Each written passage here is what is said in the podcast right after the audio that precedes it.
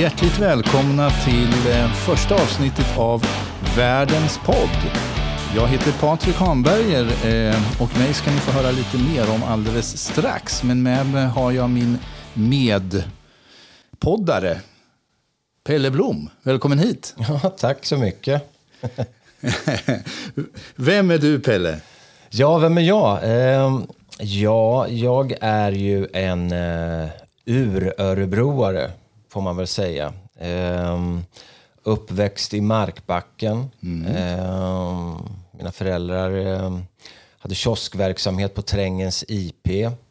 Så att eh, för mig blev ju uppväxten till stora delar på just Trängens IP med idrott. Med mm, mm. ishockey och fotboll och skridskor, långfärdsskridskor och, och allt vad det heter. Så att, eh, och det ledde ju naturligtvis fram då till att eh, min, min bakgrund har blivit fotboll egentligen då, eller idrott och fotboll. Ja, mm. Så att jag började spela fotboll i BK Forward ganska tidigt och ganska tidigt också så hamnade jag i A-laget som 16-åring. Och så därför så blev det liksom en sorts karriärtankar ganska tidigt. Även mm. om man, det tog några år, år, innan man kunde tänka sig att, att det var en karriär. Men mm. det började faktiskt redan där. Och sen så, så tog det mig runt. Jag flyttade runt liksom med fotbollen i tio år. Men det började ju här i Örebro med BK Forward och ÖSK. Men sen flyttade jag runt eh, en del och det kommer vi säkert återkomma till. Men det är ju bland annat Kina och Norge. Stavanger så var jag och spelade i, förutom då Norrköping och Göteborg i, i Sverige. Så att, det, sen efter det så blev, när det, karriären tog slut, fotbollen, så blev, hamnade jag av en slump inom journalistiken. Ja, just det. Du har alltid varit intresserad av kultur och skrivande och så, jag förstått. Jo, i alla fall, jo, det har jag varit. Men det, till en början blev det ju naturligt att det blev idrotten då, mm. eller fotbollen mm. igen då. Så att jag hade, utav en, som sagt, slumpen där gjorde att man startade eh, tv-sändningar. Mm. I, eh, alltså precis, jag slutade spela fotboll 2000, 2001 så startade man en tv-revolution kan man säga. Där Kom Hem köpte rättigheterna till alla allsvenska matcher. Och tidigare hade de egentligen bara sänt en allsvensk match i ve veckan. Så plötsligt behövde man en massa ny personal mm. och fotbollsexperter och kommentatorer och grejer.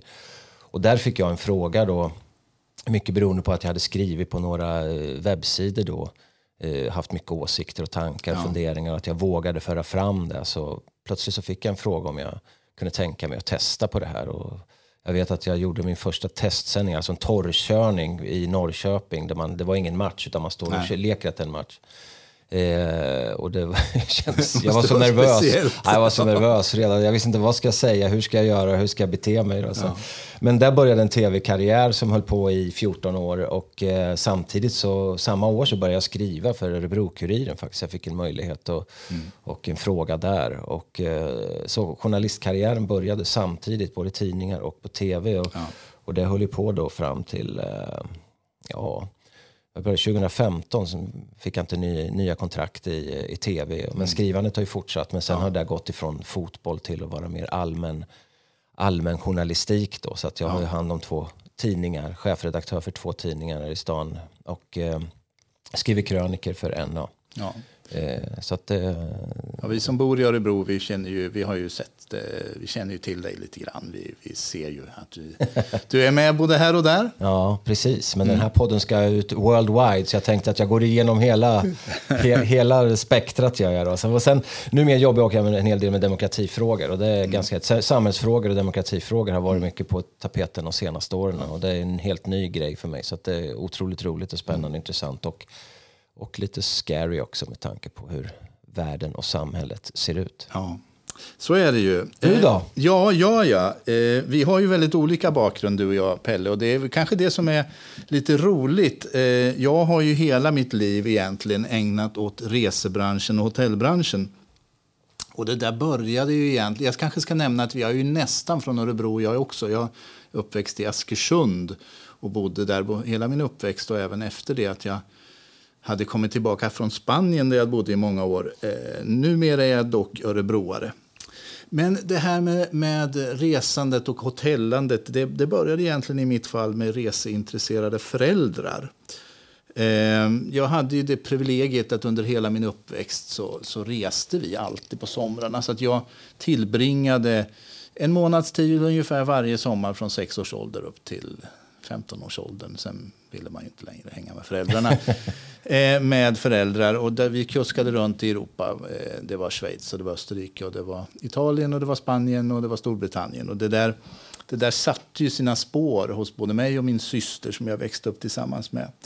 Eh, och det, det, blev ett bestående intresse och det, det, ledde också till en längtan ut. Så att när jag blev nog gammal så eh, sökte jag mig som reseledare. Man var tvungen att vara 22 år på den tiden. Eh, och det här var ju 80-tal och det var ju enda, det var ju enda möjligheten att få komma ut faktiskt och arbeta. Därför att det finns, fanns inget medlemskap i EU, det fanns inga möjligheter att få eh, några arbetstillstånd på andra sätt. Så att jag var en av de där 100 privilegierade som utav 5 000 sökande som fick jobb varje år hos Fritidsresor som jag arbetade för då under många herrans år. Alltså 5 000 sökande? 5 000 sökande hade man på 100 platser. Och det berodde ju just på att, jag kan inte tänka mig att det är så idag, men det berodde ju just på att det var enda möjligheten mm. att kunna komma ut och jobba i Europa. Mm. Och framförallt att kanske komma antingen till, till eh, Alperna på vintern som ju många ville och, och bli skidguide eller att arbeta som resledare i, i sol, soligare länder. Mm. Eh, så det här eh, arbetet i resebranschen det gled ju sedermera över i hotellbranschen. Och, eh, jag fick mitt första arbete som hotelldirektör när jag, när jag var 29 år. Eh, spanskan var ju sådär, det var nämligen i Spanien eh, som jag hade varit i många år då. Men jag blev, åren gick och jag blev faktiskt kvar i så länge som 17 år i Spanien och kom tillbaka i början på 2000-talet och har blivit kvar i hotellbranschen sedan dess faktiskt. Lärde du spanska då? Så blev Precis. det ju förstås. Eh, det var svårt att undvika eftersom jag arbetade i ett spanskt företag de sista tio åren jag var där. Ah, okay. Så att, eh, Resebolag det också? Eller vad? Det var indirekt det. Ah. det hade, på slut, de sista åren hade det eng, var det engelska ägare men det var ju ett helt spanskt bo, dotterbolag så att mm. alla som arbetade där var ju i princip spanjorer och så var det jag. Mm. Så så är det med det. Lite grann om oss. Varför gör vi den här podden, Pelle? Ja, det är en väldigt intressant fråga. Ja. Nej, men det är ju, jag vet, du ställde en fråga till mig vid något tillfälle om jag kunde vara intresserad av att starta en podd. Och först så där tänkte jag, ja, man vill ju gärna ha någonting viktigt att säga känner jag. Sån är ju jag. Liksom, sådär. Men sen så när vi pratade vi med varandra så kände jag det kan ju bara vara kul att göra någonting som är lite mer avslappnat. Mm. Men och det är viktigt att påpeka, seriöst ändå. Ja. För det, jag vill inte flamsa bort någonting. Och när vi började diskutera det så, så eh, kände jag liksom sådär att, ja men tusan, här finns det kanske en chans att, eh, och möjlighet att börja prata om saker som man kanske inte så ofta pratar med folk om. Alltså man, ibland är det ju så att man vill delge erfarenheter och tankar och funderingar till, till människor. Och eh, det är inte så att man går ut på stan ställer sig. Hörru du, eh, nu är det så här. Vill du lyssna på mig här nu? Så att här, här kan man kanske delge någonting mm. Eh, viktigt, oviktigt, roligt. Ja, du berättade någonting för mig som handlade om att du, du arbetade i Kina under... Eh, ja, spelade fotboll i Kina professionellt. Mm, mm. Och det där var lite speciellt för att det, du, det, ja, du får berätta själv att det, du har ju upplevt det där helt och hållet på egen hand. Ja, men precis. Det är, Kina, det finns ju de som ibland, jag vet att det finns de som tycker att jag ibland tjatar om det där genom åren, att man har skrivit om det och man har tagit upp det. Men ibland är det lite så här frustrerande för att det, just Kina-delen var en väldigt, väldigt speciell tid. Eh, först när jag var där, alltså spelade 96, mm. det är ju länge sedan. Men sen har jag varit tillbaka ett antal gånger. Jag vet inte totalt sett hur många gånger jag varit, men kan det vara en tio gånger totalt mm. sett genom åren. Och, och de erfarenheterna man har genom de här kontakterna och man har sett Kina utvecklas och förändras och åt lite olika håll. Först kände liksom att det kändes som att det var på väg att öppna sig och sen så nu så har det blivit mer eller mindre en väldigt, väldigt hård diktatur eller i alla fall är på väg att bli det. Mm. Eller det är det redan. Och, hela, och sen liksom de mötena man har haft där och tankarna, känslorna och upplevelserna och roliga och konstiga situationer. Och, och det är något som jag kan berätta om ibland. Men liksom, jag, det, man har själv de upplevelserna och det, det, kan kännas lite ensamt ibland. För då, jag tror att det, det är ganska roliga grejer. Så att jag mm. hoppas att vi, eller hoppas, där kommer jag lite grann att prata om. Ja, och det är jättebra. Eh, vi har ju båda, eh, båda som, som nog alla lyssnare förstår nu, många erfarenheter från andra länder. Och eh, det, det är som du säger, att det, det här har man upplevt och det vill man dela med sig av. Och det är klart att vänner och familj har man väl, har man väl eh, då kanske tjatat hål i huvudet med mm. när, när, det gäller de här sakerna. Men det finns, förhoppningsvis kan vi också bidra med någonting till andra med våra erfarenheter. Och det, det, vi gör ju det här för vårt eget höga nöjes skull, men vi, mm. som sagt, vi gör det ju med en seriös tanke. Mm. Att, vi, att vi har någonting att bidra med. Varför har vi då kallat den här podden för Världens podd? Det, hur, hur uppfattar du det? Jag tror det var du som eh, kläckte det första gången där. Ja. Och, eh, jag tänkte Världens podd. Det, det, jag tyckte det var ganska bra namn direkt. För det, det, det liksom speglar rätt mycket av det vi vill göra. Men det är också sådär liksom, första min tanke var det här är ju världens podd. Ja, alltså, så det, det, är lite grann en lek med ord förstås. Ja. Alltså, det kan ju både vara världens podd, mm. men det kan också vara världens podd. Ja. Eller man skulle kunna säga att det faktiskt är vår värld. För det är ju lite grann det som vi vill förmedla. Vi vill mm. ju förmedla vår värld och det vi har eh, upplevt. Ja, nej men precis. Så det är ju, jag misstänker att eh, det kommer att bli så att eh, alltså de programmen vi har, eller de poddprogrammen som vi har, är ju liksom Tanken är att vi ska försöka hitta vissa saker att förmedla som vi har varit med om och, och eh, eh, faktiskt lite faktabaserade grejer också kanske. Eller att det är någonting som vi känner att vi vill, eh, vi vill liksom sprida lite mer på ett annat sätt. Mm. Och eh, jag tänker, för att hoppa tillbaka lite till det, just med, vi var inne lite på det med vad det ska handla om. Och jag tror vi båda har saker som vi verkligen liksom brinner för mm. eller som vi tycker är väldigt viktiga men som, som inte alla andra kanske... Det är lite så här, jag brukar säga det, det är lite public service-känsla över det här. Ja, liksom ja. Att, eh, ibland att förmedla saker som folk eh, inte vet att de är intresserade av. Nej. Men att man då kan, om man förmedlar det kanske man kan försöka få folk att bli intresserade av saker som man själv tycker faktiskt är ganska roligt och intressant. Och liksom, det är ju en sak som, som jag tycker, som jag kommer föra fram och det kommer inte, jag kommer naturligtvis inte tala om allting där nu men det är, det är till exempel, Irland är ju, är ju en sån här, som de flesta som känner mig vet ju, om jag nu har tjatat om Kina så är ju kanske Irland ännu mer då. Men, mm. eh, där jag har resor, arrangerar resor till Irland tillsammans med Olle Unäng eh, som eh, spelar i irländska bandet Tullamore Brothers här i stan och sådär.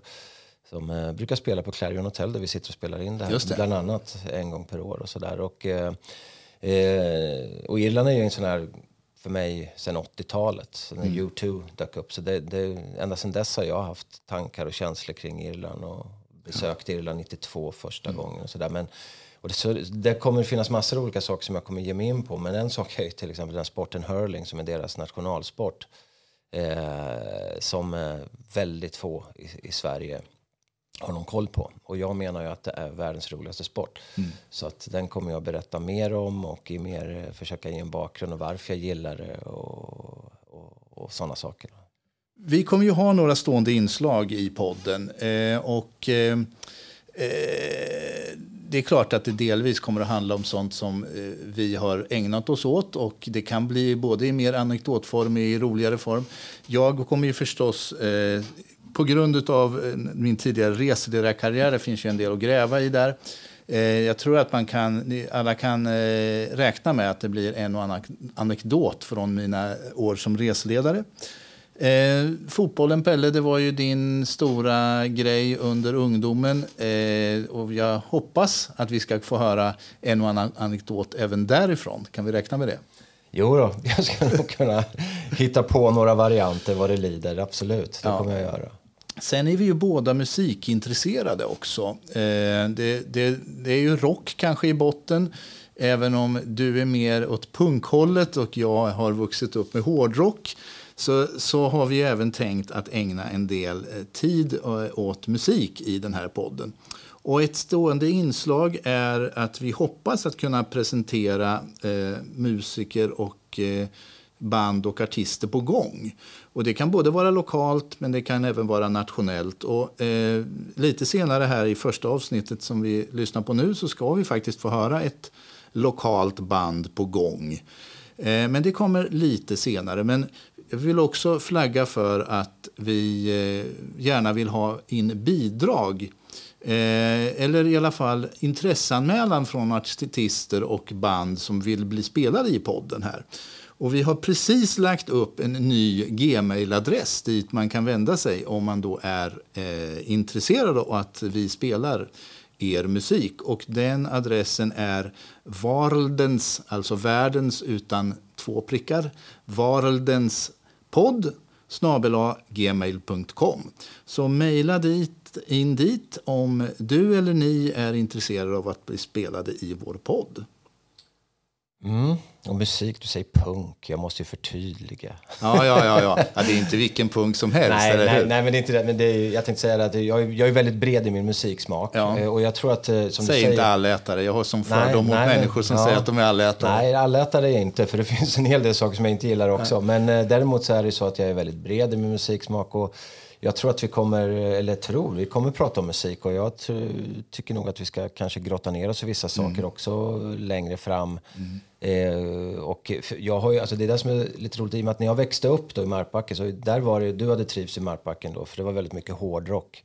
Eh, bland, bland i alla fall de, mina vänner, mina klasskamrater som eh, hängde Ja, där. det var i de åren. Ja, men det kanske var lite grann där. Alltså, men, och jag, så jag lyssnar ju lite på hårdrock också, så jag, jag har en liten ådra av hårdrock. Men, men i och med att jag rörde mig över stan en hel del via idrotten så, jag menar, det, jag vet när man for över till eh, norra delarna, där var det mycket synt. Utav, jag vet inte varför det var så här, men eh, men det är fortfarande så att eh, man tänker sig, det var Lustans Lakejer spelade nyligen på, på Makeriet och ehm, då var det naturligtvis en hel del norrfolk där som, som gillar det här med synten där. Så det är ju de, de delarna. Och sen punkdelen har jag ju utav andra anledningar, liksom att få andra kompisar som man har haft. Så att det, egentligen så, så har det rullat runt och sen när man har blivit mer vuxen så har man ju hamnat bland americana och liksom country och, och men jag vet ju att du kanske då syftar på att det inte är vilken punk som helst. Nej, men det är mycket, det går vi tillbaka till Irland igen. Det är mycket i, med irländska. The Pogues är ju en sorts eh, punk får man väl ändå säga. Liksom, med, med irländsk eh, folkmusik i botten. Där man spelar från början då mycket irländska låtar fast man hottade upp det och gjorde det, gjorde det råare. Men sen så på senare år så har det varit mycket med amerikansk Celtic punk tror jag man kallar det för. Men, så att det där, därav den breda musiksmaken. Men eh, som sagt att jag är inte allätare.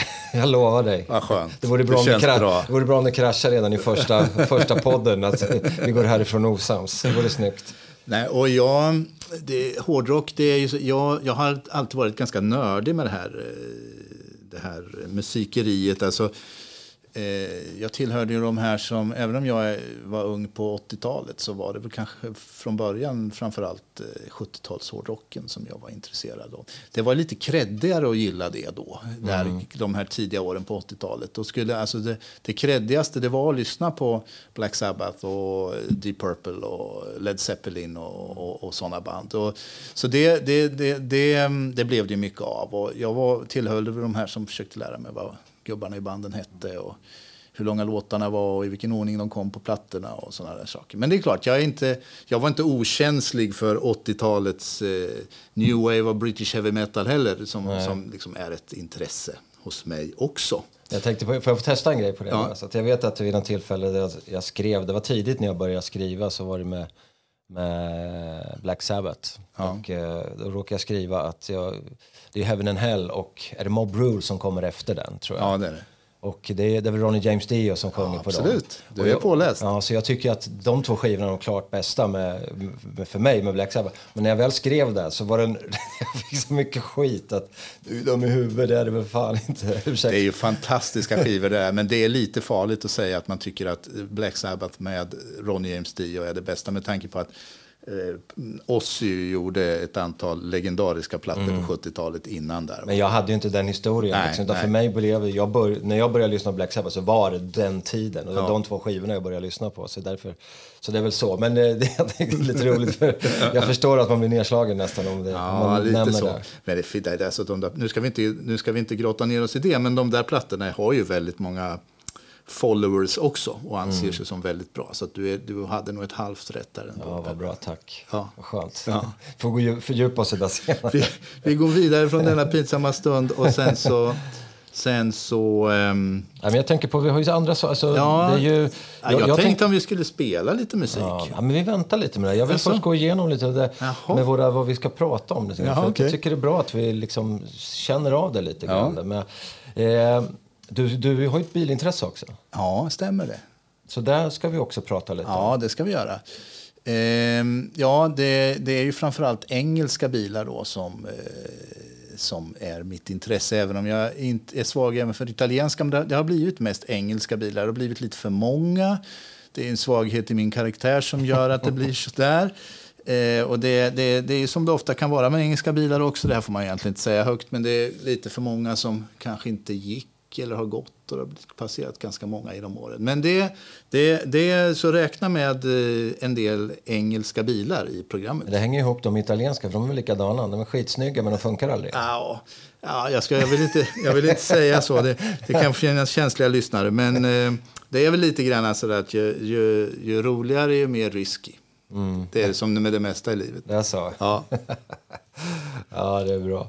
Nej, men sen så, jag skulle bara vilja föra fram, jag tror att lite snabbare bara liksom, men det kommer säkert bli någonting med litteratur skulle jag tro, om jag får bestämma. Ja. Eh, jag tror att också att vi kommer att prata om mat. Lite dryck kanske. Ja.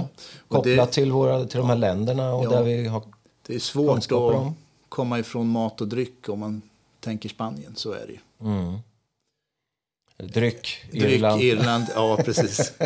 Ja. Och mat kanske Kina. Men a- a- apropå udda mat så kan man väl säga då. Så, nej, men rent kultur överhuvudtaget. Så jag Mm. tror att vi kommer att, att ge oss in i olika saker eh, och förhoppningsvis eh, reda ut vissa grejer tror Mm. jag och hoppas på. Så att, eh, det ska bli jätteroligt. Och, och det här är bara några av sakerna. Sen Ja. kommer det ju förhoppningsvis att växa så det inte tar stopp där. Nej, precis. Får jag spela musik nu, Pelle? Varsågod. Du får- prata lite till, för jag ska, Ja. ska hitta fram här. Det är så här, eh, jag ska berätta lite om vad det är vi ska lyssna på. Vi var ju inne på det här med Black Sabbath och Deep Purple och, och det här. Eh, det är goda representanter för den genren som vi ska lyssna på. Det är några killar från Lindesberg. Marcus Åslund på sång och bas, Niklas Jansson på gitarr och Niklas Dahlgren på trummor. Tillsammans så bildar de bandet Stew som alltså eh, ger en ordentlig doft av godsaker som eh, man kan, där man kan känna tydliga influenser både från de här, från som sagt Black Sabbath, Cream, Rainbow, Deep Purple. Eh, De eh, har gett ut ett fullängdsalbum och eh, de står i begrepp att ge ut ett, det är sitt andra, sin andra fullängdare. Och den kommer den 12 november. Men eh, vi har på Världens podd har faktiskt fått förmånen att få lyssna lite på den här plattan innan. Deluxe. Eh, Ja, det är inte illa. Och det blir alltså då en låt eh, från... Det är första låten på nya plattan. Plattan heter för övrigt Taste. Och låten heter Keep on praying. Och den kommer här.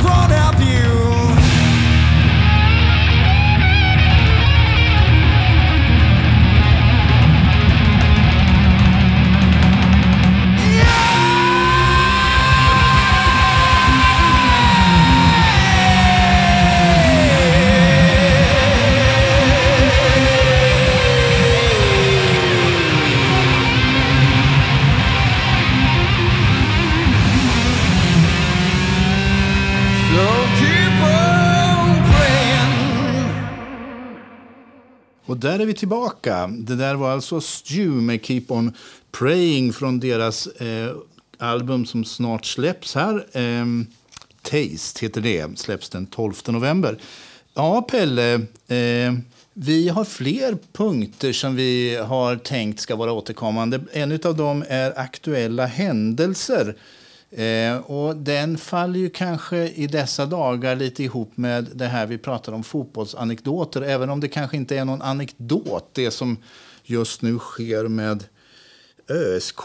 Det är ju dock en aktuell händelse. Har du några funderingar kring det där? Ja, det är klart man, man blir engagerad när man bor här i, i Örebro så blir man ju engagerad av det. Även om inte jag ser så mycket fotboll som jag gjort tidigare. Jag har ju ändrat lite inriktning på det jag håller på med. Men eh, när man har levt med någonting ett helt liv så har man ju ändå alltid ett öga på det som sker. Och med eh, tabeller och, och liksom man läser tidningar, artiklar och kollar på eh, sociala medier, på klipp och Youtube och allt vad det är. Liksom. Så att, highlights. Så att, Eh, jo då, jag har en hyfsad koll. Jag var nere och kollade på eh, ÖSK Degerfors som inte var speciellt roligt för ÖSK, desto roligare för Degerfors. Men ja, det, det är tråkigt. Alltså, ehm, Ja. det, det, jag tycker det är lite märkligt ibland. eh, Det, det sker ju så inom, inom idrott att plötsligt är det saker och stämmer ingenting. Eller det är bara ren psykologi det här? Ja, inte bara, men det är helt klart är ju att deras ÖSKs självförtroende är ju helt ner i botten och det ser man ju på agerandet på plan. Det är liksom man, de, man rör sig inte naturligt, man vågar inte saker som man naturligt för det mesta. när man är i form så gör man saker per automatik. Det sitter i ryggmärgen som man brukar säga. När det är dåligt självförtroende så börjar man tänka. Och det kan ju vara bra att man gör det på en fotbollsplan kan man ju tycka. Men eh, det ska gå per automatik så mycket som möjligt. Och, och eh, det där ser man. Men det är klart att det finns eh, också brister i laget och det fattas olika positioner och sådana här saker. Så att, så det, det skulle man kunna prata om i en, ett helt bara program bara det då. Men eh, det känns lite oroväckande bara liksom med, med det som sker. Med, jag tänker på hockeyn har blivit starkare i stan. Vad kommer att ske? Nu, nu är det ju som sagt inte, när vi spelar in det här så är det inte helt hundra att ÖSK åker ur. Men det finns väl ingen som tror på att ett sånt mirakel ska uppstå. Så att de Ja, ska det är klara sig. allt, precis allt ska eh, gå deras väg. Ja, faktiskt. allt ska gå. Och när liksom ingenting har gjort det hittills så känns det väldigt osannolikt. Men eh, Mirakel har hänt förr, men eh, det Ja. kan jag som sagt bra nämna att det inte är helt klart än. nej, men precis. Det är väl bäst att, att, att eh, nämna det. Då. Men det, det är klart att det... um, och, och det, det finns mycket kritik mot hela organisationen och, och det är klart att det har ju varit ett antal år nu som eh, man har satt upp olika mål. Det handlar om publikmål, det handlar om eh, hur man ska spela, det handlar om budgetar och allt vad det är. Och väldigt lite av det har ju slagit in och man har inte lyckats med det egentligen då eh, på några plan. Så det är klart att det är hög tid för självrannsakan och, och fundera igenom på vad, faktiskt varför vad som har lett fram till en sån här situation där allting liksom bara packar ihop under en och samma säsong. Och, eh, det, ehm, det är tufft, men eh, jag, jag brukar säga det. Jag har sagt det vid några tillfällen nu när jag pratar med folk om att jag har själv varit där i en situation när jag spelade i IFK Norrköping och vi eh, kom fyra 1994 och sen 1995 så fick vi kvala oss kvar mot Gais och då var det så här att på våren som jag kommer ihåg det så var det, gick det väl hyfsat. Vi var inte helt kassa men man kände väl att det inte riktigt stämde. Men sen fick vi, eh, historien kanske inte helt hundra perfekt men eh, jag tror vi fick stryk på hemmaplan mot Frölunda med typ 5-0 och vi hade inte förlorat på flera år på hemmaplan.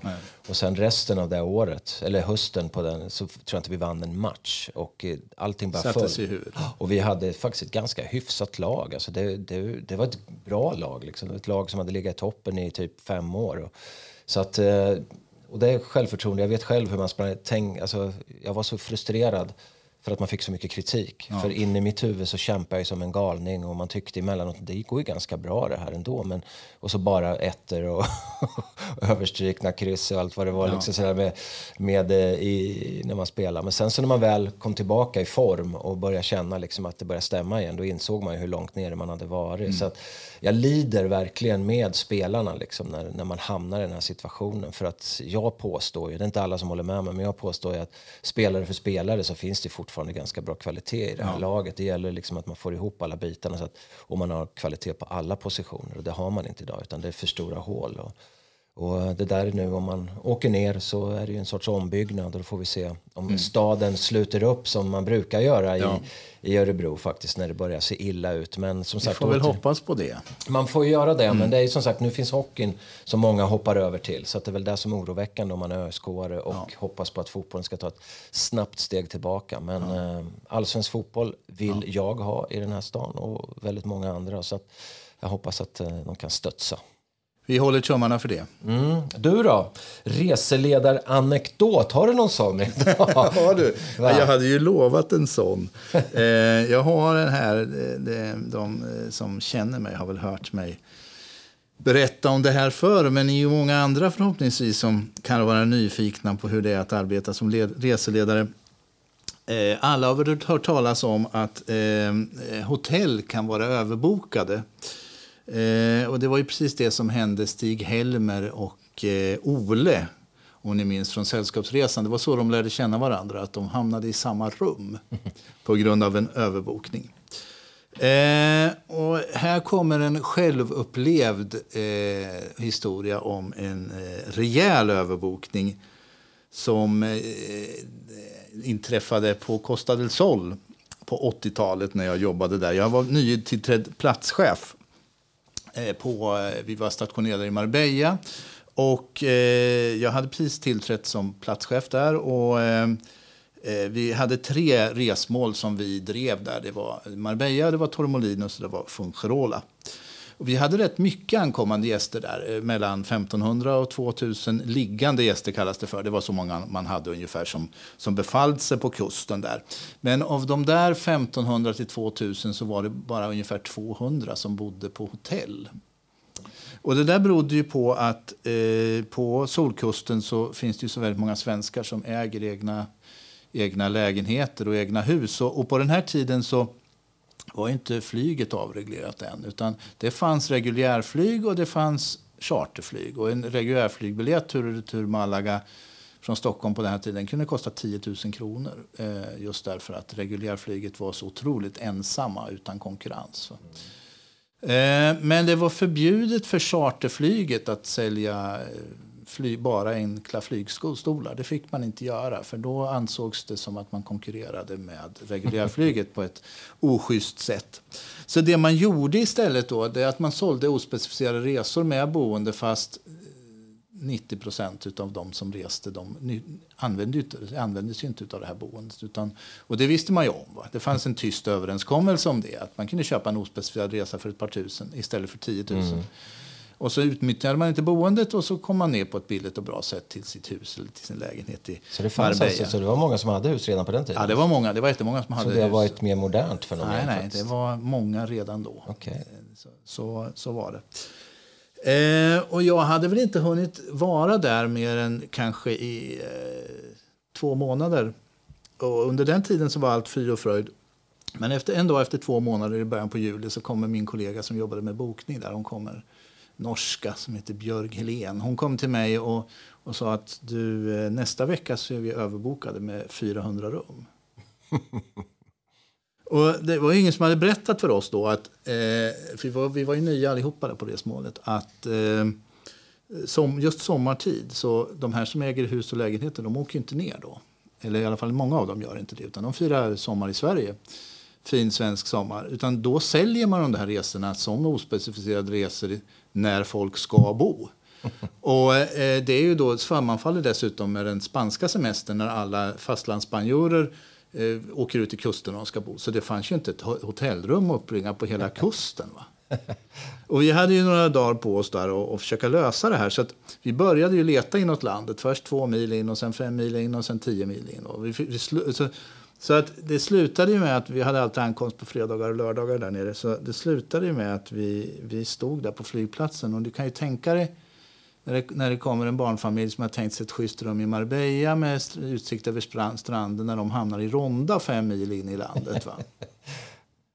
Och dessutom så var det så mycket folk och det var ju som panik och vi letade ju liksom rum medan vi stod ute på flygplatsen. Att till slut så visste vi inte var vi hade folk någonstans. Va? Så vi hade alltså hundratals människor boende över hela södra Andalusien och vi visste ju inte var de var. Så att vi löste det här genom att köra liksom reguljärbusstrafik till alla hotell där vi kunde tänkas ha folk på resedagarna. Va? Och så fick vi se om det var någon som bodde där som skulle hem. va? Vad tryggt och ja, mysigt ja, kändes. ja, jättetryggt och mysigt. Ja. Och, eh, Och de som stod där var väldigt glada också förstår jag. Ja, de var ju, framförallt var de inte jätteglada när ja, Tobias Hedberg, som är en gammal kollega till mig, han jobbade där. Han har ju fortfarande inte förlåtit mig det där. Va? Det var han som körde bussen till Ronda och det var han som körde bussen till Granada också, som ligger 10 mil in i landet. För det här var ospecificerat. Ja, det var ospecificerat. Så att, det var ju alltså så att det fanns egentligen ingenting som sa att man inte kunde bo fem mil från, eh, från eh, för det är liksom flygdestinationen som räknas. Va? Och det är klart att Granada har ju flygplats så det kanske var lite tveksamt. Men vi hade ju inget val. Alltså. Men till saken så hör, alltså, under över alla under. Vi lyckades alltså få hem allihopa. Vi, vi hade inte en enda av de här hundratals människorna som missade sitt flyg hem. Så tadang, det var, det var den, här- det här avsnittets reseledaranekdot. Men jag måste ändå fråga, var, Ja. var det någon som krävde pengar tillbaka? Ja, alltså det var... Men de fick ju inte det. Alltså. Och det berodde ju på just att... De reglerna du sa där. De reglerna som sa, alltså det, det, det, det, man får göra så. Ja, jag, inte för att jag hamnar fem mil ifrån någonting, men man har ju hamnat på typ uppe i bergen någonstans liksom, och, utan utsikt. Det har Ja. man gjort någon enstaka gång eller två. Sådär, så, att, så visst, en chansning. Ja, ja, så kan det vara. Så kan det vara. Eh, hörde du, eh, vi börjar närma oss slutet på dagens program. Det här, ska vi, det, det, vi kommer ju eh, sannolikt, det är i alla fall vad vi planerar för, att ha eh, någon typ av tema för varje avsnitt framöver.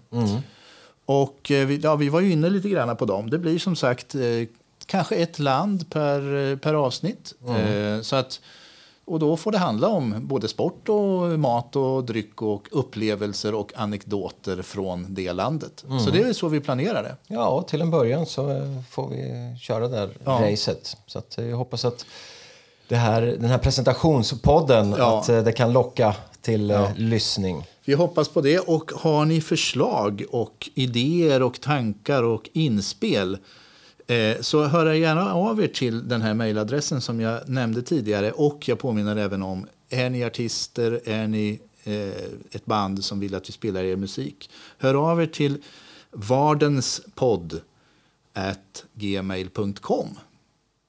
Hur, hur ofta ska vi göra det här, Pelle? Vi har sagt, eh, vi ska inte lova för mycket nu, men det vi, vi har en målsättning om en gång varannan vecka. Visst sa vi det? Mm. Jo, det ska vi försöka Ja, få ihop. Vi ska försöka hålla det. Så, så är det. Så är det. Men du, då tackar vi för idag. Jajamän. Tack till alla som lyssnade. Mm, tack. Ha det fint. Tack. Hej. Hej, hej.